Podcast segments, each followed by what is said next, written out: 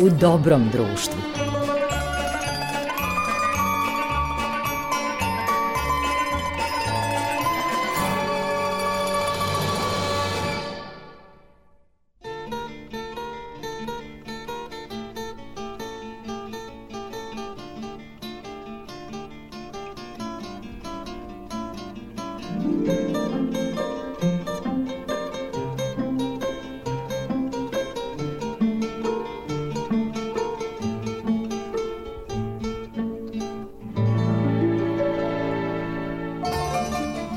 Slušalci, dobrodošli u najnovije izdanje emisije U dobrom društvu. Vaš domaćin e, biće Goran Vukčević, a kao i uvek ovu emisiju tonski uobličava Marica Jung. Naravno, imamo gosta, i to ekskluzivnog, novinara i publicistu Vanju Bulića. Vanja Bulić je legendarni novinar Duge, a rođen je 1947. u Kumanovu, a njegov opus obuhvata i niz filmskih scenarija i kultnih TV emisija, među kojima je scenario za film Srđana Dragovića Lepa sela Lepo gore, koji je snimljen po njegovom romanu Tunel, po njegovoj reportaži o istinitom događaju. Takođe, poznati su njegovi romani Kako sam gajio blizance oko otoka, po njima će biti snimljene i serije, a kultni e, romani vezani za srpsku istoriju objavljeni su u više izdanja.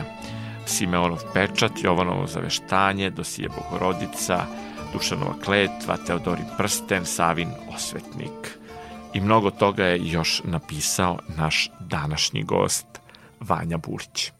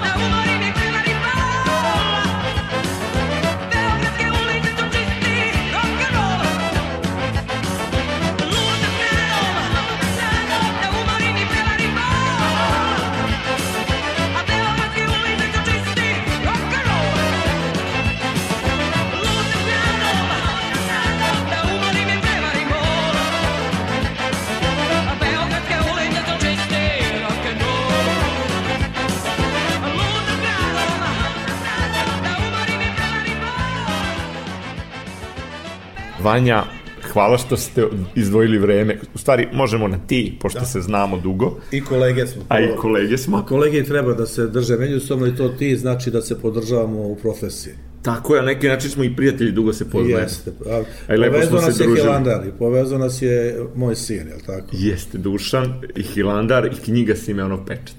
Da. A, vidiš, to je interesantno, ta knjiga ima 19 ovih izdanja latiničnih i četiri ćirilična. Meni su ćirilično izdanje uvek tvrde korice i dodatak ono što nije moglo da uđe u, u literarnu priču, a, a objašnjava je na neki način. Dakle, malo šira priča o Svetom Savi, šira priča o gradnji Hilandara, jer ova roman je, on je thriller, tu ima dosta izmaštanog i naravno onog što je istinito. I to mi je vrlo bitno da ljudi koji pročitaju kad reaguju na ovaj način, recimo, jedan čovjek mi napiše, kaže, bio sam 15 puta na Hilandaru, nisam znao šta Hilandar ima dok nisam pročitao vašu knjigu. E, to je jedna greška ljudi koji odlaze tamo i hoće da izgledom i ponašanjem budu veći monasi od monaha. Monasi tamo žive, imaju svoj svet i znaju zašto se ponašaju i kako se ponašaju. Ovi dođu saviju glavu, niti pitaju gde vam je, gde, da, da mogu da odem da vidim e, to bogatstvo. Ko, nikad te neće odbiti, to i sam znaš, ali dok ne pitaš. I da. onda dođu, pa to isto... Kad Slikaju uđeš... se, imaju tu etiketu da su bili. Da, da, slikaju se ispred, da, da, da se vide kiparisi, ovaj, u, ulaz, ulaz, u, hra, ulaz u, u, hram, hram, da. u hram. I onda su svi preplašeni da li smeju da slikaju unutra, pa pite, reći će ti šta smeš da slikaš, šta ne. A to je jedna priča ovaj, koja se može videti ulazak u bilo koju od crkvu u Beogradu ili u manastir. Ovaj. Ulaze ljudi sa vijenih glava, ja kažem, ljudi, kad uđete unutra, dignite slobodno, pogledajte šta je, kako je oslikano, svaka crkva ima nešto, imaju neku riznicu, možda nađeš nešto i pogledaš i to ljudi jedno čekaju da ti pokažu, ako ne tražiš, neće te juriti. I sad mnogi kažu, to je ovo novo komponovani vernici, pa čekaj, svak počinje nekako. I, i ako si novo komponovani novi, ti ne znaš sva pravila, je tako? I treba ući u to. Ali mene je interesantno nešto, kad već govorimo o tome, monas i njegov odnos prema životu i prema onima koji dolaze tamo, naravno. Oni su gostoprimljivi i gostoljubivi, ali ne vole mnogo pitanja. To, to Jeste, gostoljublje u stvari jedna od najvažnijih e, tradicija Svete Gore, yes. da se tako širi pravoslavlje, tako Naravno. se širi vera. Da, i oni te, nikoga neće odbiti da prenoći, primit će ga ovaj, i na hranu, naravno, ako si došao kao čovek dobre volje. Mada oni to i ne gledaju, jesi ti dobre volje ili nisi. Računaju, ispravit ćete to što si sam na Hilandaru. Ali meni to neverovatno ta pitanja e, ljubopitljiva koja postavljaš ljudima kojima ne bi trebalo. I kad sam ja išao da radim Simeno Peša, kad smo ga već pomenuli, mene je interes, pošto je to bilo posle požara nekoliko godina kasnije, naravno, ja sam išao s idejom ko je zapalio manastir Hilandar. I sad, e, znaš kako, pitaš one koji su tu, ja monahe zaustavim, znaš kako oni su radi, sa kim posluženja. Znači, ti si došao posle tog četvrtog da, marta da, da. 2004. Da, a onda svi ljudi, znaš što oni ljudi rade, sve poznaju se šta mu je poslušanje za taj dan, i ja ga zaustavim, pitam, ko je zapalio manastir? Oni me gledaju kao u čudu, pa kaže, Božja volja. Božje dopuštenje. Da. E sad pazi, to je, to je jako bitno. Kad ti kaže to, da li te Bog kažnjava, sigurno te ne nagrađuje ako ti je 51% onoga izgorelo ili te opominje. Znači, treba razmisliti e, šta je to dopuštenje, šta znači to što ti se dogodilo to troje. Ali dobro, to je sad meni za maštu, za roman bilo dobro, ali ovo sledeće pitanje mene ovo je natjelo da dobro razmislim o svemu i da, da počnem drugačiji način da razmišljam o ljudima koji su dole. Moje sledeće pitanje je bilo ovaj, šta je najveće bogatstvo na Svetoj Gore? I naravno Isus Hristos odgovoriti jednostavno. Oni su Hristu Hristi, njima ih pitamo u materijalnom smislu, e sad dobiješ ono sjajan odgovor zbog koga se zapitaš i jasnije ti je zašto su oni tamo.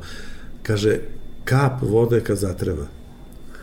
A to je, to je, to je fantastičan odgovor. Dakle, najveće bogatstvo u materijalnom smislu je kap vode. Njima ne trebaju naša ovo zemaljska... Ovo... Da, ja sam mislio da ti reći ta, ta riza koja ima kap Hristove krvi. Da, da, pa, da, ali vidiš, ali, a, pa, a da, ali ovo je... Jer nekako tu je i, ne, ovo, oko ovo, toga i priča u Sinovom pečatu. Ali ovo je u ja se pitam u materijalnom smislu šta je najveće bogatstvo. Da. To je ipak duhovno bogatstvo. To je relikvija ogromna. Je, jeste, da. i to velika, velika svetinja. Jeste, jeste svetinja.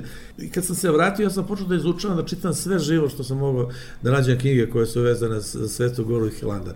Tako sam, kad bi se početala knjiga, ono, zahvalnosti, s kim sam sve razgovarao, to je ispolo, e sad, u tu, pri, u tu priču moraš da se misliš, znaš, kako danas da bi na, nagle, pošto pišeš, ovaj, snimaš, E, ja sam od onih ljudi, pošto radim i scenarija, znam danas ćeš naterati onoga ko čita da nastavi da te čita ako mu pišeš u slikama, ako ga nateraš da on to vidi. Da. Da ima da sliku pred očima i onda tako, tako se pišu današnje knjige ovaj, u slikama, ali da bi to uradio mora da bude rodostojno da si tamo naravno. I onda u sve to ja upletam ovu e, jedan savremeni thriller da bi mogu to i da nateram ovaj, čitaoca da ne ostane samo da ne pomisli da sam ga navukao na, na čistu istoriju, da onda možda kupi ovaj, e, knjigu istorijsku pa da čita. I onda na, kad povežeš literaturu, to jedno i drugo, meni je jako bitno ovo, da sam ja mnoge ljude koji su mi rekli, ja sam odrašao Hilandar posle vaše knjige. Da, ja sam sreo mnogo ljudi. Moje neke prijateljice koji nisu htele da slušaju priče o Hilandaru ili imaju jednu distancu od crkve i od vere, nažalost, I, i ovaj, ali su želele knjigu da kupe i onda ih je to privuklo. Da počne da izučavamo. Mene kaže, da, da ih kaže, interesuje Hilandar. Da, kaže, čitao sam, kaže, onda na internetu da vidim ove što... Jedan uh, direktore škole u Subotici koji mi je pripremio knjiženo veče, I kaže mi, ovaj, ja sam pročitao vašu knjigu Simeonov pečat i onda smo nas 12 storica odlučili da odemo u Hilandar. Odemo u Svetog Hilandar preko dobročinstva, naravno. Znaš. E, kaže, i onda smo otišli tamo I znate da smo se mi po Svetoj Gori kretali po vašoj knjizi. I što je, ovaj, što je fantastično. Meni je, da, da, meni je to mnogo drago. Da, i meni je samo žao što mi u tom dopunjenom izdanju nismo napravili e, kartu ovaj, trebali smo ovim kartu Svete Gore, kada je već toliko knjigama 46.000 ovaj, znači primjeraka. U dopunjenom izdanju ima one neke moje fotografije, što Jeste, je vrlo drago. ja sam ti zamolio ovaj, da, nas, da, da, mogu, mislim, vrlo drago. I svako od nas ne bi ni rekao za tako nešto da mu se naplati, mislim. I jeste, i meni je drago da sam, ovaj, da sam pomogao u tom segmentu, pa si mi se zahvalio i to mi je mnogo značilo u samoj knjizi, pomogao sam u onom segmentu za olobanjama, znači da, da. u Kosturnici Hilandarskoj da, da. i doživao sam ono što ću sad ponoviti samo radi slušalaca, da sam snimao film Archibald Rajsu i snimao sam kosturnicu Branilaca Beograda, koja se nalazi tamo na kraju gde je i grob Aleksandra Rankovića. Znači, on je spomenik koji inače bio predviđen za terazije, za Kalemegdan, pa se na kraju našao u zapečku novog groblja. Da. I pošto smo to radili pred sam mrak, morao sam da ostavim ličnu kartu koja je ostala kod portira i na kraju je rekao da mu izvedna čast da, da me upozna, ja sam mislio zbog mojih nekih putopisa, da. rekao je to čovek gleda radio televiziju Vojvodine, iako iz Beograda, međutim ne, on kaže vi ste saradnik Vanje Bulića. Ne, ja stvarno. ali, ali, pazi, ja sam pročitao vaše ime u knjizi Simeonov pečat. ali vidi, to je neverovatno nešto. Ja sam, i dalje radim televiziju i radio sam televizije i kad te sretnu neko pričati, ali nema veće zadovoljstva ako ti kaže čovjek da je pročitao knjigu. Prvo, to je televizija možda bude da ostavi neki utisak, svidelo se nešto, neko pitanje, odgovor, možda mu se slika svidela, ali kada je neko poštuje tvoj rad od godinu ili dve godine koje si uložio da bi napisao jednu knjigu, onda se stvarno ovaj, kažeš vredelo je.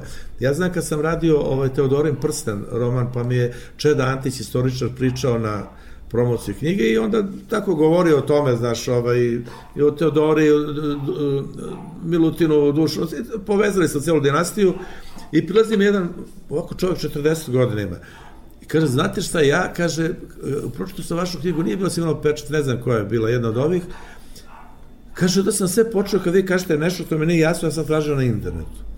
I kaže, vi ste mene strašno uvukli, mene uopšte ne interesuje, kaže, istorija srpska, posebno istorija religije kod nas. Kaže, ja od tada, kaže, evo, deset godina, ne samo što čitam vaše knjige, nego Luke Mičete i ostalih, i kaže, počeo sam da izučavam srpsku istoriju. Kaže, meni čede, ako si deset, kaže, ljudi svojim knjigama natero, ovo što rekao ovaj čovek, kaže, ti si uspeo. To je velika misija. Pa jeste, jeste. Ovaj. Ja, znaš, meni prilaze sveštenici neki, danas kad putujem po Srbiji kažu, ja sam postao sveštenik zato što sam gledao bukvar pravoslavlja koji ste A, pa, pa onda ti kažeš vredelo je. Mene je to privuklo veri. Onda vidiš da je nešto, da si nešto ostavio i kad e, te neko upozna preko knjige, da, da. onda te bolje upozna čak nego što te upozna kad te lično upozna, prosto ne stignete toliko da se A da, otvori. Da, ali to je jednostavno. Ovaj. Svaku knjigu koju piše čovjek piše o sebi. Stavlja sebe u situacije u koje stavlja svoje junake to, pošto je pišeš, radiš scenarije, znaš da je tako. Bez tog ličnog pečata ti nemaš ništa dobro da uradiš. Bez ovog neke, to i krimi roman. Ti ćeš opet staviti sebe, razmišljaćeš, ućeš u lik kriminalca i raz, pokušati da razmišljaš na svoj način ovaj, kako bi ti razmišljao u tom trenutku. Dakle, čovjek te najbolje upoznaje kroz knjigu, pa i tebe kroz, kroz dokumentarni film. Bez obzira da li to priča nekom drugom, eh, jer o jednoj ličnosti nas desetor ćemo napraviti deset različitih priča. Ja Svako kažem, po, po, jedno, po, pošto si reditelj, po jednoj knjizi možeš deset filmova da napriš da se svi razlikuju. Neko će samo po jednoj strani bit će mu inspiracija, jedna strana iz knjige da napravi film, neko će napraviti celu priču ovaj, linearnu, eto. Zato je meni drago i kad sam radio Lepa sela, Lepo gore, što to, što je bio povod da se napravi taj film, taj moj scenarij i moja knjiga. Jer nikad ne može, ne može ti potpuno, onda bi to bio dokumentaristika ako preslikaš samo, tako? A to je verovatno u posljednjih nekoliko decenija film koji se apsolutno izdvaja. Čemu je veličina tog filma? Što je, scenarij je pisan 93. u jeku, u, dakle u žaru rata. 95. je počelo snimanje u aprilu, kad još, znači šest meseci pre Dejtonskog sporazuma. Jeste, i to je najbolji film u opusu Srđana Dragovića. Ali ja sam se znaš, strašno plašio ovaj, da, šta će kad prođe neke godine. Ja danas apsolutno stojim za svaki ovaj, iza svake reči tamo. Naravno, ja, moja prva verzija scenarija, pa onda radila, Biljana Maksić je radila, Pajkić ona je radila, dramaturški postavila i onda su Srđan i, i, i Nikola Peković to, ono, ja znam da je 13. verzija. Sve A ekipa, Srđio da, da, i, i sa da, Nikolom da, i sa Biljom. Pa ne znaš ko je, ne znaš ko je ovaj bolji. A svaki u svom, svaki u svom dobro. Nikola, recimo, njegovi su glasovi svi koji se čuju ovaj, svi glasovi ovih e, bošnjaka u filmu su njegovi. A i on to glumi. da, pošto su ti, oni se, njihova vojska se ne vidi, znaš tamo. Ja, da. ja sam taj, aj kad smo prešli na to, znaš šta, dugo sam se mučio, ja tu šest meseci mi je trebalo i srđane stalo zovem pročito reportažu, kaže kad bi Amerikanci imali ovu priču, kaže oni bi napravili film, ja se napravim ovaj pa, pametan i onda kažem pa evo ja ću da napravim scenariju, znaš. I, tako to, I onda se ja šest meseci mučio Gorane, ne znam kako, ovaj, pošto to priča, priča naša, priča naših boraca, kako napraviti priču da, a ne vide se muslimani, njih nemaš nigde ovaj u filmu. Da, I samo kaže, im. Da, kaže meni srđan, pa postoji jedan film Podmornica, ne znam kako se zove već, ovaj, kaže, sve vreme ti ne vidiš Japance, imaš samo ljude, ovaj, taj strah. Podmornica, da, nemački film. Čuvaj. Da, da, da, da. Sjajan. Tako da mi je otvorio priču da mogu, tako su oni čak u tunelu, oni su samo senkama prolaze. I one, oni razgovaraju. Ali, ali to isto, pošto pišeš i radiš, ovo je interesantno da ljudi ako nas slušaju oni koji se bave ovaj, pisanjem. Pisanjem, da, i kako jedna rečenica ti otvori... Bez toga ne, nema dobrog filma, bez dobrog pa, teksta. Pazi, da nema jedne rečenice ne bi bilo romana, ne bi bilo knjige, ne bi ništa bilo... Jer ja sam pročitao u novinama, pet redova je bilo sedam boraca srpskih se nalazi u tunelu, nalazili u tunelu sedam dana, muslimani su bili na tunelu, jedni drugima šta su radili, to su, prepoznaju se po glasovima, tu su iz istih sela sve prijatelji iz detinstva, ovdje ih ostalo troje živih, uspjeli se izvuku, preživjeli se, nalaze u bolnici u Užicu. Ja odem u Užice i nađem Slađan Simić, se zove Deško, koji mi priča, njega igra, uh, Dragan Bjelogirlić ga igra ovaj u filmu. Stvari glavni lik. Glavni lik, da. I on mene ispriča celu priču, šta su radili jedan drugim, ali to je priča iz tunela. I sad ja znam, to je lepo za reportažu. I sad, e, sad je ono najglavnije, on kreće, mi se pozdravljamo. I ja kažem, pa kako ti prolazi dan, kažem, ti u bolnici, pošto je ranjen, znaš, Užička bolnica, on kaže, pa doveli su neke ranjene muslimanske borce, znači ranjene muslimanske borce od one protiv kojima su ratovali i, i nalaze se u našoj bolnici. Kaže, će sada doći, kaže, strani novinari, pa da se, se pokaže kako mi i oni možemo živimo zajedno. E sad je ta rečenica koja otvorila se, kaže, večeras kad zaspu sestri i lekari, mi idemo da im čupamo infuzije. E pazi, i to je ta rečenica koja mi je otvorila celu priču koju sam ja smislio u bolnicu, koja ti je isti tunel kao što je onaj tunel. Nije slučajno u tih prvi pet godina 90. gde se imene sve nešto dok je normalan svet, žive onaj svet drugi, žive neki normalni životom, mi imamo u potpalu u knjigu nagrađu, imamo underground film u pozemlju, ima naš tunel i bolnicu, dakle sve nešto skrajnuto sa, sa pravih ove linija života, ali da Bog da to prošlo, ko to prepozna i da, razumije. Da, bure baruta, da, da. Da, da, to je to, je to ovaj, strašno vreme.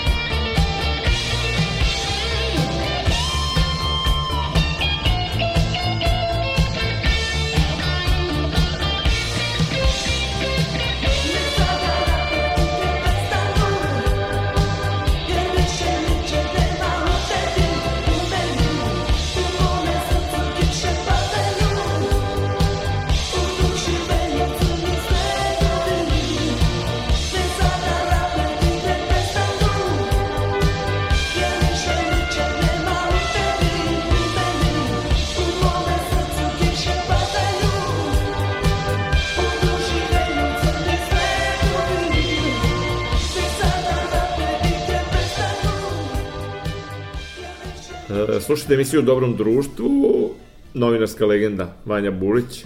Imamo čast da je gost emisije, imam i ja posebnu čast, a, eto mi smo na ti, pošto se poznajemo dugo godina, u stvari znaš kad smo se upoznali? Moj pokojni ujak Veka me je doveo u Duginu redakciju. E, to je bila redakcija. I, e da, prvo ćemo malo dugi, pa ćemo nastaviti o romanima. I ja mislim čak da je, kad sam se ja tamo upoznao sa tom redakcijom... Ti si bio dete. Ja sam bio dete, ali mi je bila divna atmosfera i toliko sam otišao srećan za Novi Sad, jer su svi bili toliko ljubazni. Pa znaš zašto? Ovaj, prema ali, meni kao gost. Ali vremena nema više. Niko nije bio hladan i distancijan. A da ti kažem zašto? Tada se živelo, smo bili svi i u najgore vreme, to je bilo gadno vreme, naravno. Da, da, da. Ali pazi, ali se tada živo znalo se koliko se sedi u redakciji, dok napišeš i uradiš i ti si slobodan. Danas novinari ubace karticu 9 i u pet je potvrda da su bili tamo.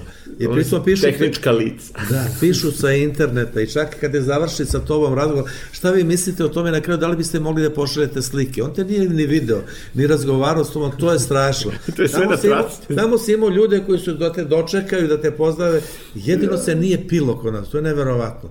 Bilo je tamo i ljudi koji vole alkohol, nikad se u redakciji nije pilo ali je bila jako pozitivna atmosfera. Mislim da sam tada upoznao i pokojnu Dadu Vujasinović.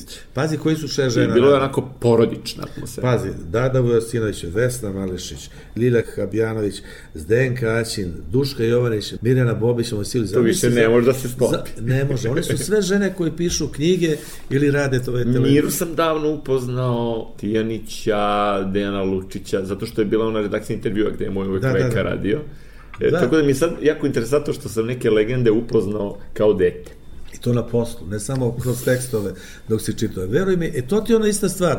Kako imaš drugi odnos kada upoznaš ljudi? Viš koliko lepo što sam ja čuo da si imao takav, a ja sam bio pomoćnik glavnog urednika. Znači, smo ja i Marić, on kao glavni urednik, napravili atmosferu. Jeste Marića. Da, da se napravi atmosfera da u redakciji, da bude svakome lepo.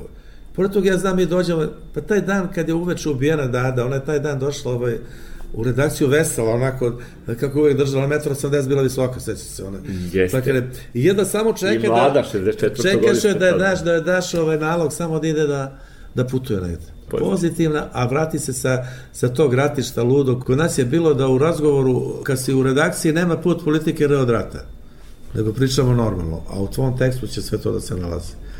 Ja se radim posle toga u mnogim redakcije televizijskih, tako oni ugnjaviše jedne druge pričamo o novinarstvu, šta je to, da li ima novinarstva više, nema, pusti bre to, napiši ti dobar tekst, a, ovaj, a, a čitalac je da zaključi i gledalac da li ima novinarstva, nema, ne, o tome ako diskutuju novinari, oni više nisu novinari. To je kao kad se priča mnogo o filmovima, treba da vidimo neki film koji će se zalepiti za gledalce, e, to, a ne da izađeš ravnodušan kao što si pošto, ušao. Pošto smo zajedno, nalazimo se uvijek u Nišu, najviše pričaniči su filmovi slabiji. Jesi to primetio? Jeste. Kao da ćete ubede ovaj, pa šta misliš da gledati u oči, kako sad da kažeš? Prošle godine jedan film, komedija, nisam se nasmeo ni jednom, ali je reditelj... E, reći ti verovatno kako, ne, kako vi nemate smisla za humor. To mi je naj... Ili mi kad mi najverovatnije, kad mi neko kaže nisi ti to razumeo. A ja znam kad sam pišem tekst pa ga predam u dugi, znaš. Da. Znači, ajde, nisam neki novinar početnik. Kad mi ovaj, kad mi urednik pita šta si hteo, ovaj, ja kada molim te izbriši odmah. Ako ti nisi razumeo, kako će da razumeš čitalac? To je priča za ovo. Ako te nije shvatio gleda za džabe, smo krečili što kaže. E, jeste, i mora da bude taj neki boži dodir na kraju. Naravno. I tvoj dar je tu, i tu je i zanat, i tu je i tehnika, i tu je i ekipa, i produkcija, i lova, ali ako nema tog božih dodira, onda nema velikog dela. Pa nema božih dodira ako ga ti ne priželjkuješ, nego onaj shvati da si ti iskren u tome, znaš. Iskrena si ljubav uvek, pa to ti je šta ti je... Ti, ti ako ne voliš to o čemu pišeš, ako ne voliš te ljude, pa ti kad pišeš od kriminalcima, ti možeš da ga voliš kao čoveka i da ga razumeš. Zato su moji biseri ovaj, bili e, toliko gledani, ovaj, E, meni kažu sad, postoje, ja ponovo radim bisere, TV Blic je Da, pa to sam shvatio danas kad smo da, se dogovarali. pokrenuli su ove televizije, radi ponovo bisere, danas sam snimao dva bisera, snimao sam i ovo Oliveru, ovo Ćirković, ovo Panterka. Da, znam, Panterka što je napravio. Da, ali sam ja napravio, sam je, Ali ja sam da. napravio totalno drugu priču i ovi sam viču produži, produži, produži, a ja znam ono 48 minuta i kad sam e, prekruzno kada sam rekao napravit ćemo projekt i rećemo nastavak sledeći put, jer to je žena je toliko blagoglagoljiva, ovaj, yes. u čemu je tajna... Vrlo prijatan da, da, u čemu je tajna, recimo, aj sad ja hvalim nešto svoje. Kažu, napravili su mnoge emisije, ali e, nije što su u tome, gde ti je bio pištolj, kako si ti pucao, gde se gubao, nego što ti u tome, recimo, zašto je on došao do pištolja i do noža? Jel tako? tako Zašto je. on postao to što jeste? A to što, što si ti krimao za to vodi neko računa drugi, posle ste tamo da treba da te pošalje. Znam da je uvek taj prvi deo e, priča o porodici, o odrastanju. Gledala se voli sebe, da, pa nama su detinstva slična. Niko od nas čak svoje siromašno detinstvo ne bi menjao za neko drugo. Naravno. Mi smo danas, moj otac bio na golom otoku, ja kad se setim... Tako je nastalo oko otoka. Da, da, ne, nije bilo lako, znaš, ovaj, tada, ali ja ga nikad ne bi menjao, nisam ovakav, ja sam ovakav danas zato što sam i to prošao. Znaš što se meni dogodilo, kažem ja mami, Da kaže, mama, ajde ide jedan moj prijatelj, ajde da probaš pravi, ovaj, pravi šnice od, od konjskog mesa našo. To znači bilo negde, to je možda bilo pred maminu smrt negde, znači prema 20. godina. E, ja kažem, pa idem ja, ovaj, ja interesujem vas da probam, rekao mi da dođe. Kaže, e, moj Vanja, kaže, četiri godine si ti jeo konjsko meso, one rage, kaže, koje su ostale od rata, dok je duša bio na golom otoku. Ja nisam imala, kaže, para za, to si ti jeo, a ja kaže, zato ja bacam čifte i njištim ponekad. ne, ali, ali pazi, i onda se seti, zato ti kaže, to detinstvo nikad ne bi menjao, nisam znao šta sam jedan. Verovatno sam i guljene čukljeve i ove mlevene grkljane jeo, mama se dovijela. Šta? Ne, to je najzdravije. to ne, nego, ali pazi, ajde se kad, kad pomenu su mame i taj goli otok, pazi, te žene su majke, u stvari glavne heroji tog vremena te koji su uspeli da održe porodice, zbog koji su održavali partijske sastanke od nekoliko sati, e, terajući ih da ostave svoje supruge. Te koji su uspeli da održe porodice, oni su heroji. Muškarcima je, nije bilo lako, tamo stvarno. Ali kako je bilo njima bez dinara? Moja mama je u šestom mesecu trudnoće bila, kad su tatu odveli. Znači ona morala da ide na dilju kiretažu da bi sutra da morala da radi. U jednoj od prethodnih emisija bila je gošća iz Tuzle, spisateljica, vrlo čitanih priča iz regiona, Sanja Hajdukov, to su priče o bosanskim ženama koje su u neverovatnim okolnostima iznele porodicu, iznele decu, sačuvale porodice e, to je, to je i prošle Golgote. E, to me sad na to podsjetilo. Pa znaš šta... O tome smo razgovarali. Stvarno je Golgota. Pazi, kad ti imaš dvoje dece, u drugom si stanju sa stomakom do zuba, nema prinadležnosti, svi te izbegavaju, živjeli smo u vojnom naselju. Ne da to što, što im se ti gadiš, nego što se plaše reći druže se sa, sa informirovcima. Ja se sjećam, jedna me žena srela na ulici, a ovaj, pa vi ste vaša majka Bosijka, ja kad sam počeo da radim ovaj, televizije, ovaj, kaže ona, ovaj, Ja znate vi da sam, bila su dva partijska sastanka na kao su po dva sata, vašu majku na samo govori ne, ja mogu su, kaže, ubeđuju, ubeđuju, on je neprijatelj, izdajnik, ne, ne i ne, kaže. Vi ne znate, to je teško napraviti, kada biste film pravili, vi ne možete ponoviti to šta se događa ti sastanci, kakve su gadosti pričali i ubeđivali ljudi. Ja sam imao šest godina, moj tata je relativno kasno odveden. To mi je sećanje jedno iz tih godina. Mama posle te kiretaže su je doveli, ja sam sedeo u kuhinji, sećam se, i onda je ona legla, pošto je jedna onako izmučena i ovako je mazila po nosu i pričam, kaže, isto je bio tako jedan bata kao ti, kaže, ima nos kao ti i plače dok mi priča. Znači, ja bih imao brata ovaj, da, jer to je formirano ovaj, sa, sa šest meseci. To je bilo kod nekih e, ruskih, ovaj, doktor Krasnjuk je to bio neki poznati Rus, koji, oni su beli koji su došli, znaš, i on, znači, I on je e, radio poboče. Da, ali radio je tajno negde, znači oni su nju da. oni su mogli da odu u zatvor zbog svega toga. Znaš. Znaš šta, ali ovaj, ovaj, ja sam to opisao onako, na tenane, konsultujući se sa nekim drugim ljudima. A ta knjiga, kad smo već spomenuli, ta priča, ja sam imao 14-toricu golotočana u biserima.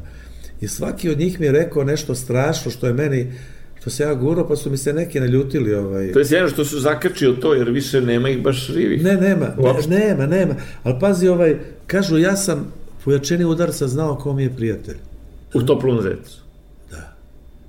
A svi su morali da stanu u red i mora da pusti ruku na tebe. Ako ne spusti ruku... On ide u, on ide. Špa, u kroz Znači neko finger ali pušta, ali pazi ti to... Ali da izgleda da je jako da, da, ali pazi. Sve jedno, zašto se oni nisu, nisu druži? To je jedan od glavnih razloga, njih je sramota i od sebe samih. Oni su dovođeni u psihička stanja, mnogi kad nisu znali kako se ponašaju. Kad viču udri bandu, oni udaraju. Jasno. I sad kako I tu je brat brata mogu da, da ubije. Da.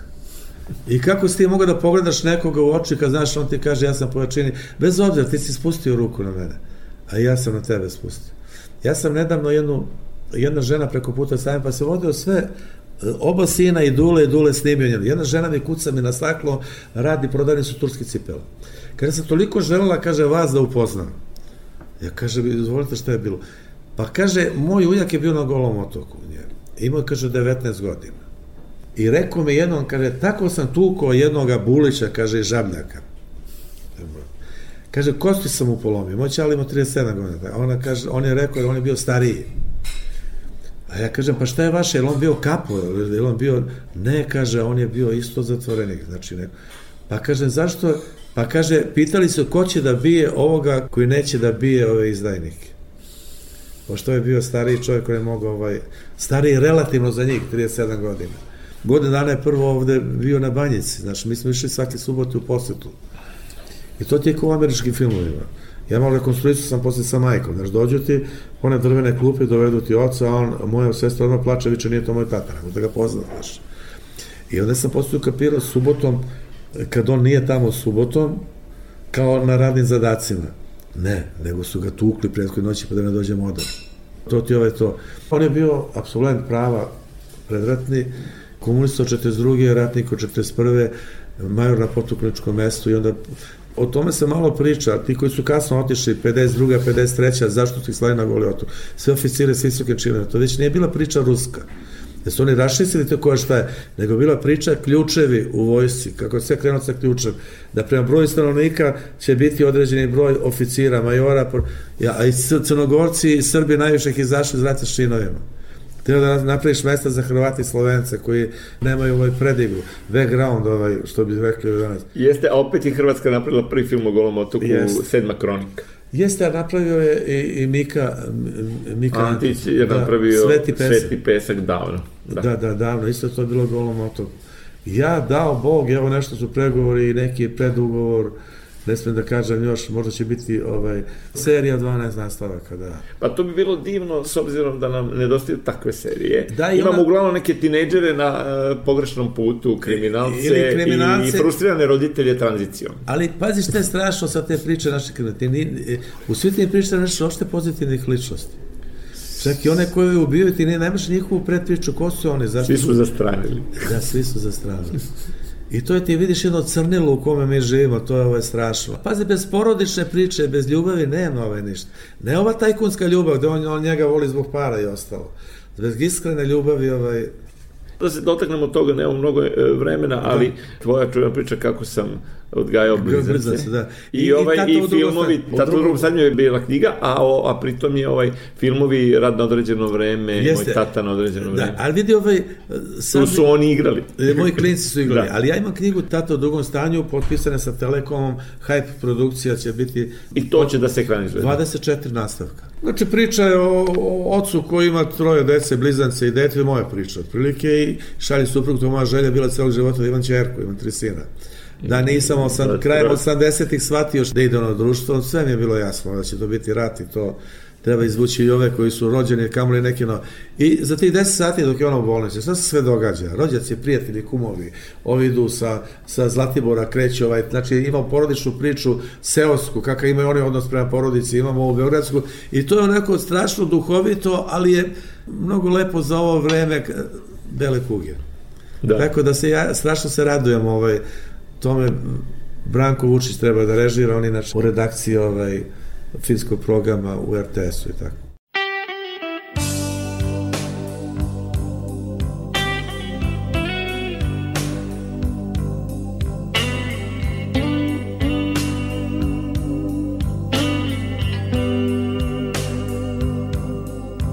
Sedamdesetih 20. veka bilo je u meni nešto od čoveka. Ja sam davno mrtav Još od onog dana. Nas troje u sobi I moja sahrana. I uvek svečano obećam Znam da lažem u sebi Da ću prestati da se sećam. Ovo je poslednja pesma o tebi. Poslednja pesma o tebi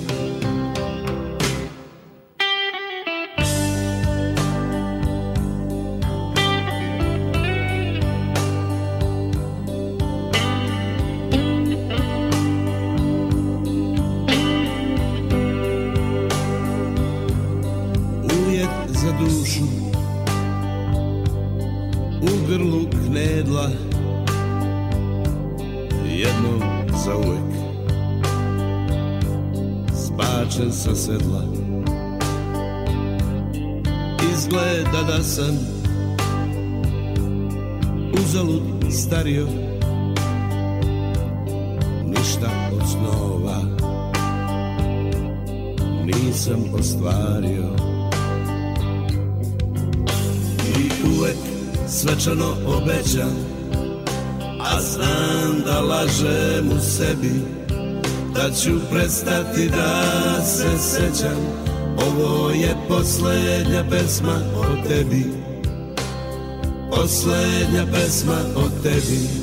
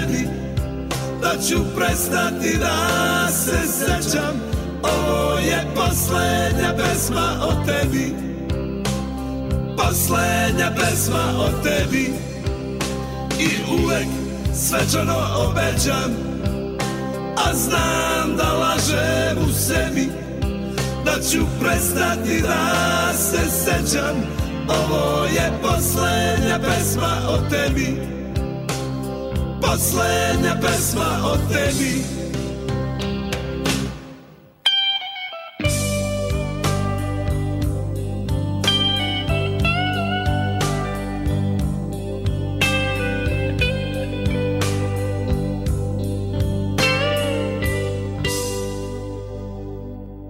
Emisija u dobrom društvu, Vanja Bulić, vaši, naš gost, malo je vremena o čemu bismo sve mogli pa, dobro, da razgovaramo. Ima dosta godina, pa zato.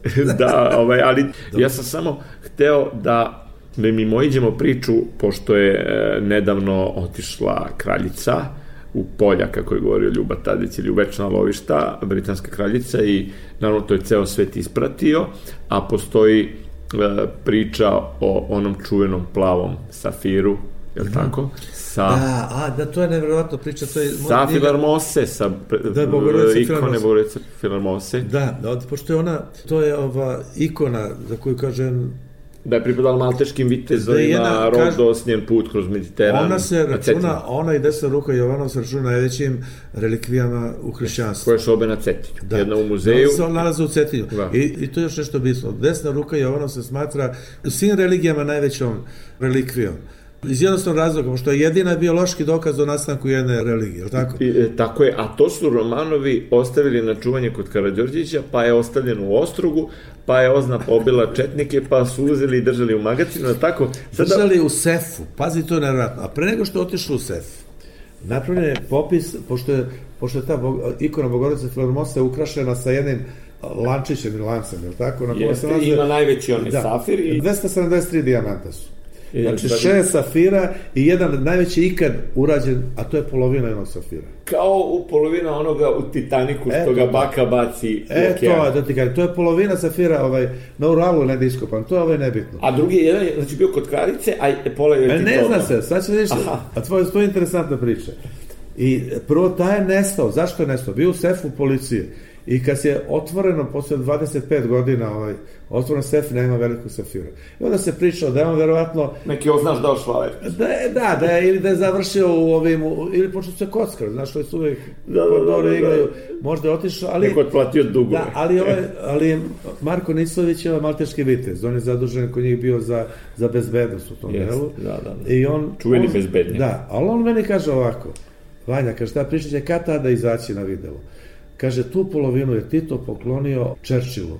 60. godine na jednoj jahti kod Dubrovnika bili su Tito, Jovanka, Čerčil, Aristotel Onazis i, i Marija Kalas. I Marija Kalas, ko se tada zabavljala? Da, da. Jel tada, ta, ta, ta polovina, kako ti kažem, ta jedna polovina se nalazi kod predstavnice engleskog dvora koja je bila na svadbi čerke Pavla II. ruskog, ruskog cara 802. godine, 1802. godine na svadbi i njona je poklonjena, a ova je stavljena na Filermosu. Tako se sad nalazi cela, verovatno u Draguljarni Kraljevskoj. Kod kraljice Elizabete. Šteta gde su kraljevski dragulji. kraljevski dragulji. Ali ovo je interesantna priča sa tom. Ovaj, to, je to treba napraviti posle, posebnu priču o tom brodu. I o tom, to je divno za film. Pa kako da ne? Kako da ne? A. To imaš, imaš i kraljicu, imaš njih, imaš tamo, to je posebna priča, kod mene ona uzgledna priča. A to ljudi recimo ne znaju. Da se vidi sa Charlesom. Ja u se, ja u, a da treba reći, da Charles. Charles jednog godišnje idu Hilandar. I donosi uvijek nešto, pa da njegov je otac ovaj pravoslavac, je tako? Filip, da. Jeste. Tako da oni to, oni to ne zaboravljaju. To je zemlja sa tradicijom. Ona mogu da nas vole i ne vole, ili nešto ovaj, imaju što zadrže. Zato mi se nekad neko mi rekao, treba otići tamo pa ga treba zezati. Kada tamo čovjek... Manastir Vatoped ima svoje predvorje u Londonu. Da, to nisam znao, vidiš. Jeste, kao što i Viron imao na Crvenom trgu ovaj, u Kremlju. Da, to su, to su, to su bitne stvari koje, koje ljudi, ovaj, ne znam, nije... nije... Ali ovo je sve opisano u romanu Zaveštanje Jovanove, tako? Jovanov Zaveštanje to je druga priča, to je Miroslav Evanđel, ovo je dosije Bogorodice. A dosije Bogorodice, izvini. Ali pa to je interesantno, da, da, i u Cetinju ne znaju ljudi ovaj, e, da se tamo nalazi jedna najveća ova svetinja. Ali pazi kako to neko uradio. E, Filarmosu je stavio u, u, u muzej savremene umetnosti. A desna ruka se nalazi u, u manastiru. Da. Lako da neko razmišlja. Ako se jednog dana odvoje, kaže, će osti nama, ovo njima. Ma mislim, to je nevjerovatno. Ovaj. Sramotno treba jedno drugo da bude u manastiru. Ali pošto je uvek odem kod na Cetinje, ovaj, odem uvek ovaj, i do manastira. Da celi još u ja isto. Ta, tada, je, tada je bio moj, ovaj, bio moj zemljak tamo, bio iguman, Durmitorac, ja mislim da on sad vladika, ovaj, sramote, nisam je zapamtio, potom je nebitno. I kaže, došao jedan čovjek, nosi vašu knjigu, kaže, ovo dosije Bogorodice. I sad tamo ima to mafija, naručuje da mladi princ arapski naručuje da mu se donese jedna od ove dve svetinje i on neće da se sveti Amerikancima koji su krenuli, ovaj, Bush je rekao, ovo je novi krstaški rat protiv terorizma, rekao. Da. Ali to se pretvorilo, zna se u šta, pretvorilo se u rat protiv Evrope, ako ćemo iskreno. Jer je talas izbeglica koji je došao arapsko proleće i ostalo sve krenulo od toga je ludilo. Što kaže otac Stefan iz Velike Nemete, ponosita Evropa postala je pijana američka prostitutka. Tačno tako. I pazi šta je, šta je ovaj tu internet. Kaže, nosi čovjek knjigu, pošto mu mafijaš ulazi u manastir, treba da ukrade ovu desnu ruku. To je priča u, u Dosije Bogorodice. I sad ajde, pa znači koliko to izmaštana priča. On kaže, da li ćete mi, pun sam da vidite gde bi ovaj, kaže, ovaj monah Petar kad ga je ubio ovaj mafijaš. Čoveče, to je izmišljena priča. Hoće da kažem koliko ljudi, ovaj, kad, kad spleteš dobru istoriju i thriller, koliko počnu da veruju u ono što je mašta. Jeste, a meni je to što ti pišeš mnogo zanimljivije od Danny Browna. A znaš zašto? Mene to tako... Mnogo primčivije. Znaš što mene su govorili kao ovaj, ja kažem, to je velika razlika. U literarnom smislu ja sam jači od njega svakako.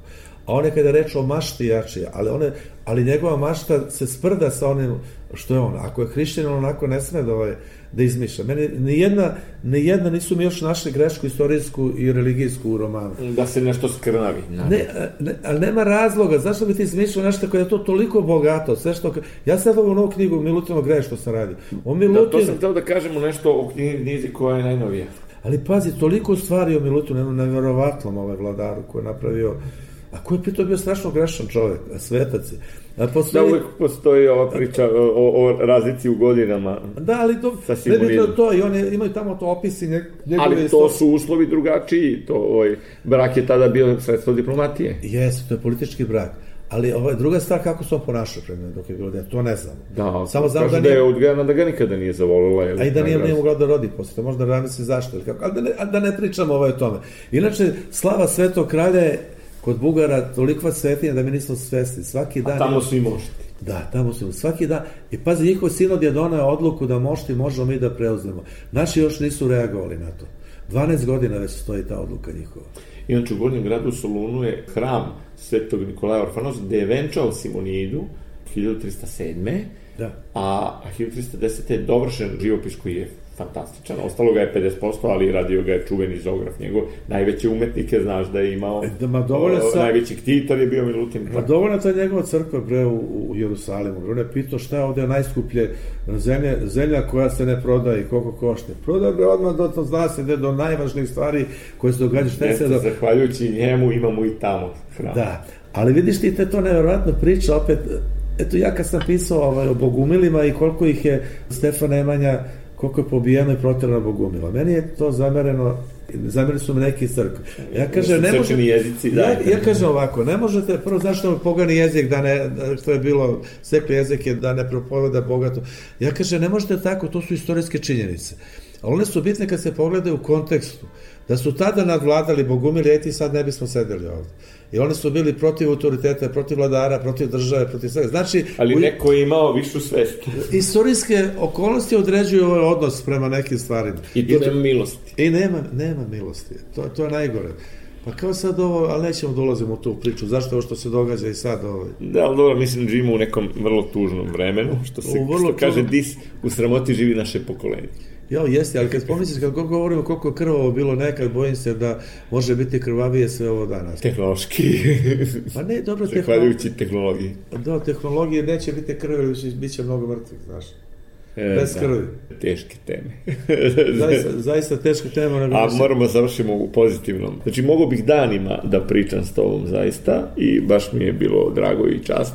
Meni je stvarno I, drago, zato što su neke teme kojima mene mnogo, znaš, ove mnogo više interesuje uh, ovaj moj susret s poznatim ličnostima, pošto sam bio voditelj, da, volimo, da, da, da, o ovome volim da pričam. Ali stvarno, ovaj, i ti, kako da ti kažem, imaš dnevnu ovu rutinu vrlo često, da treba da odradiš neke žive emisije sa različitim gostima, od belih magova nadalje. Uf. Ali ja i kad pravim snima, ja želim da pokažem publici da shvate da ne treba da im verujem divno, ja mislim da je ono, širina je najvažnija, što kaže Sveti apostol Pavel, svima sam bio sve, ne bih li gospoda zadobio. To je fantastična rečenica. I u svakom slučaju, bilo mi je drago, da ti želim dobro zdravlje i da se sretnemo ovako uz ovu lozu, znači ovo nije propagiranje alkohola, nego prosto e, kad je dobro društvo, onda treba tu i nešto dobro da se popije bez preterivanja. Jedna čašica kao yes. predigra za klopu. To ja pradim s mojim drugovima, a to je jako bilo. Znaš zašto ona dobra? No. Šestoro mojih drugara iz mog razreda imali smo rok sastav. Aha. Svi šesto iz jednog razreda. Mi smo kumovi svi međusobno. I pravite zajednički lozu. Četvrno ste žive. Pravimo lozu uz gitaru sa puno ljubavi, bez toga nema svega ovo o čemu smo pričali malo pre. Kao što e, zato ona tako dobra. Jeste, kao ono što smo rekli, ako nešto ne voliš, onda to neće biti dobro. Kao ako ne voliš kuvanje, to javno nikada neće nikada. biti ukosno, ako I, ti to moraš da I nemoj da ti kuva mrš, mršav kuvar, molim te, hoću debelog kuvara koji uživa u svom jelu, koji je masan do, do lakata. Da, i da ti je slatko kad ga vidiš koliko Jeste. on voli hranu. Kako voli da jede. Jeste kao pravo okrepljenje i vidimo se u zdravlju. Bio ovo Vanja Bulić u emisiji u Domu društvu. Hvala ti, Vanja. Hvala tebi.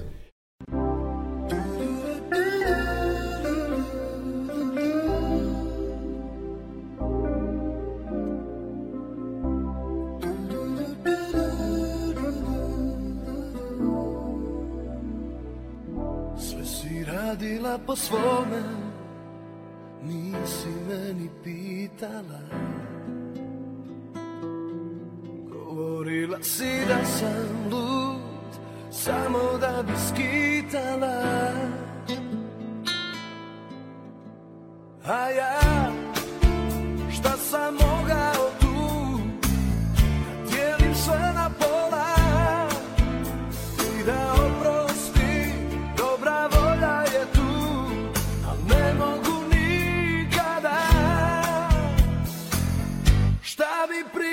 prijatelji moji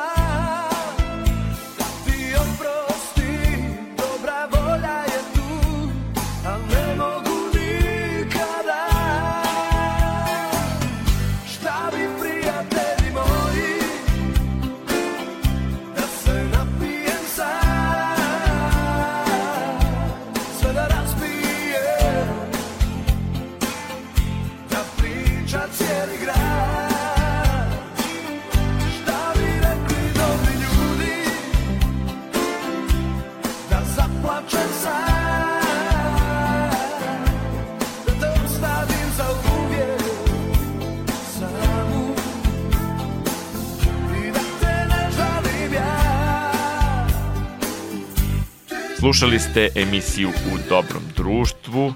Vaš i naš gost bio je novinar i pisac Vanja Bulić. Ovu emisiju možete slušati i u repriznom terminu četvrtkom posle vesti od 16 časova, a mi vas ponovo očekujemo u petak. Posle vesti u 21 čas uz vas će kao i uvek biti Marica Jung koja tonski obličava ovu emisiju i Goran Vukčević. Ostanite u dobrom društvu.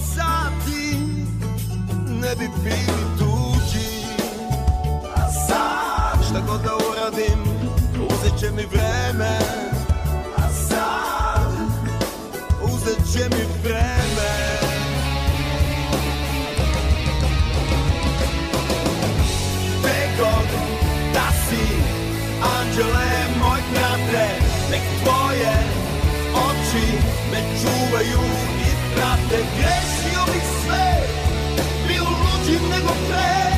Iz početka da krenem Sada bih sve drugačije.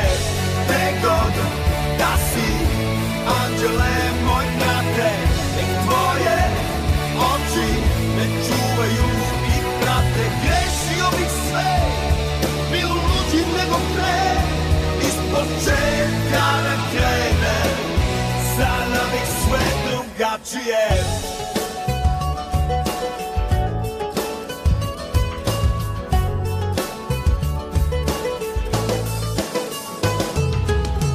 da da početka Puno dece, život bi mi dao Pustio bi Igra da nas nosi. Kada bih mogao ponovo da biram Lutao bi, nikad ne bi stao. Oh, Samo da sam znao. Sad? Šta god da uradim Uzet će mi vreme. Sad? Uzet mi vreme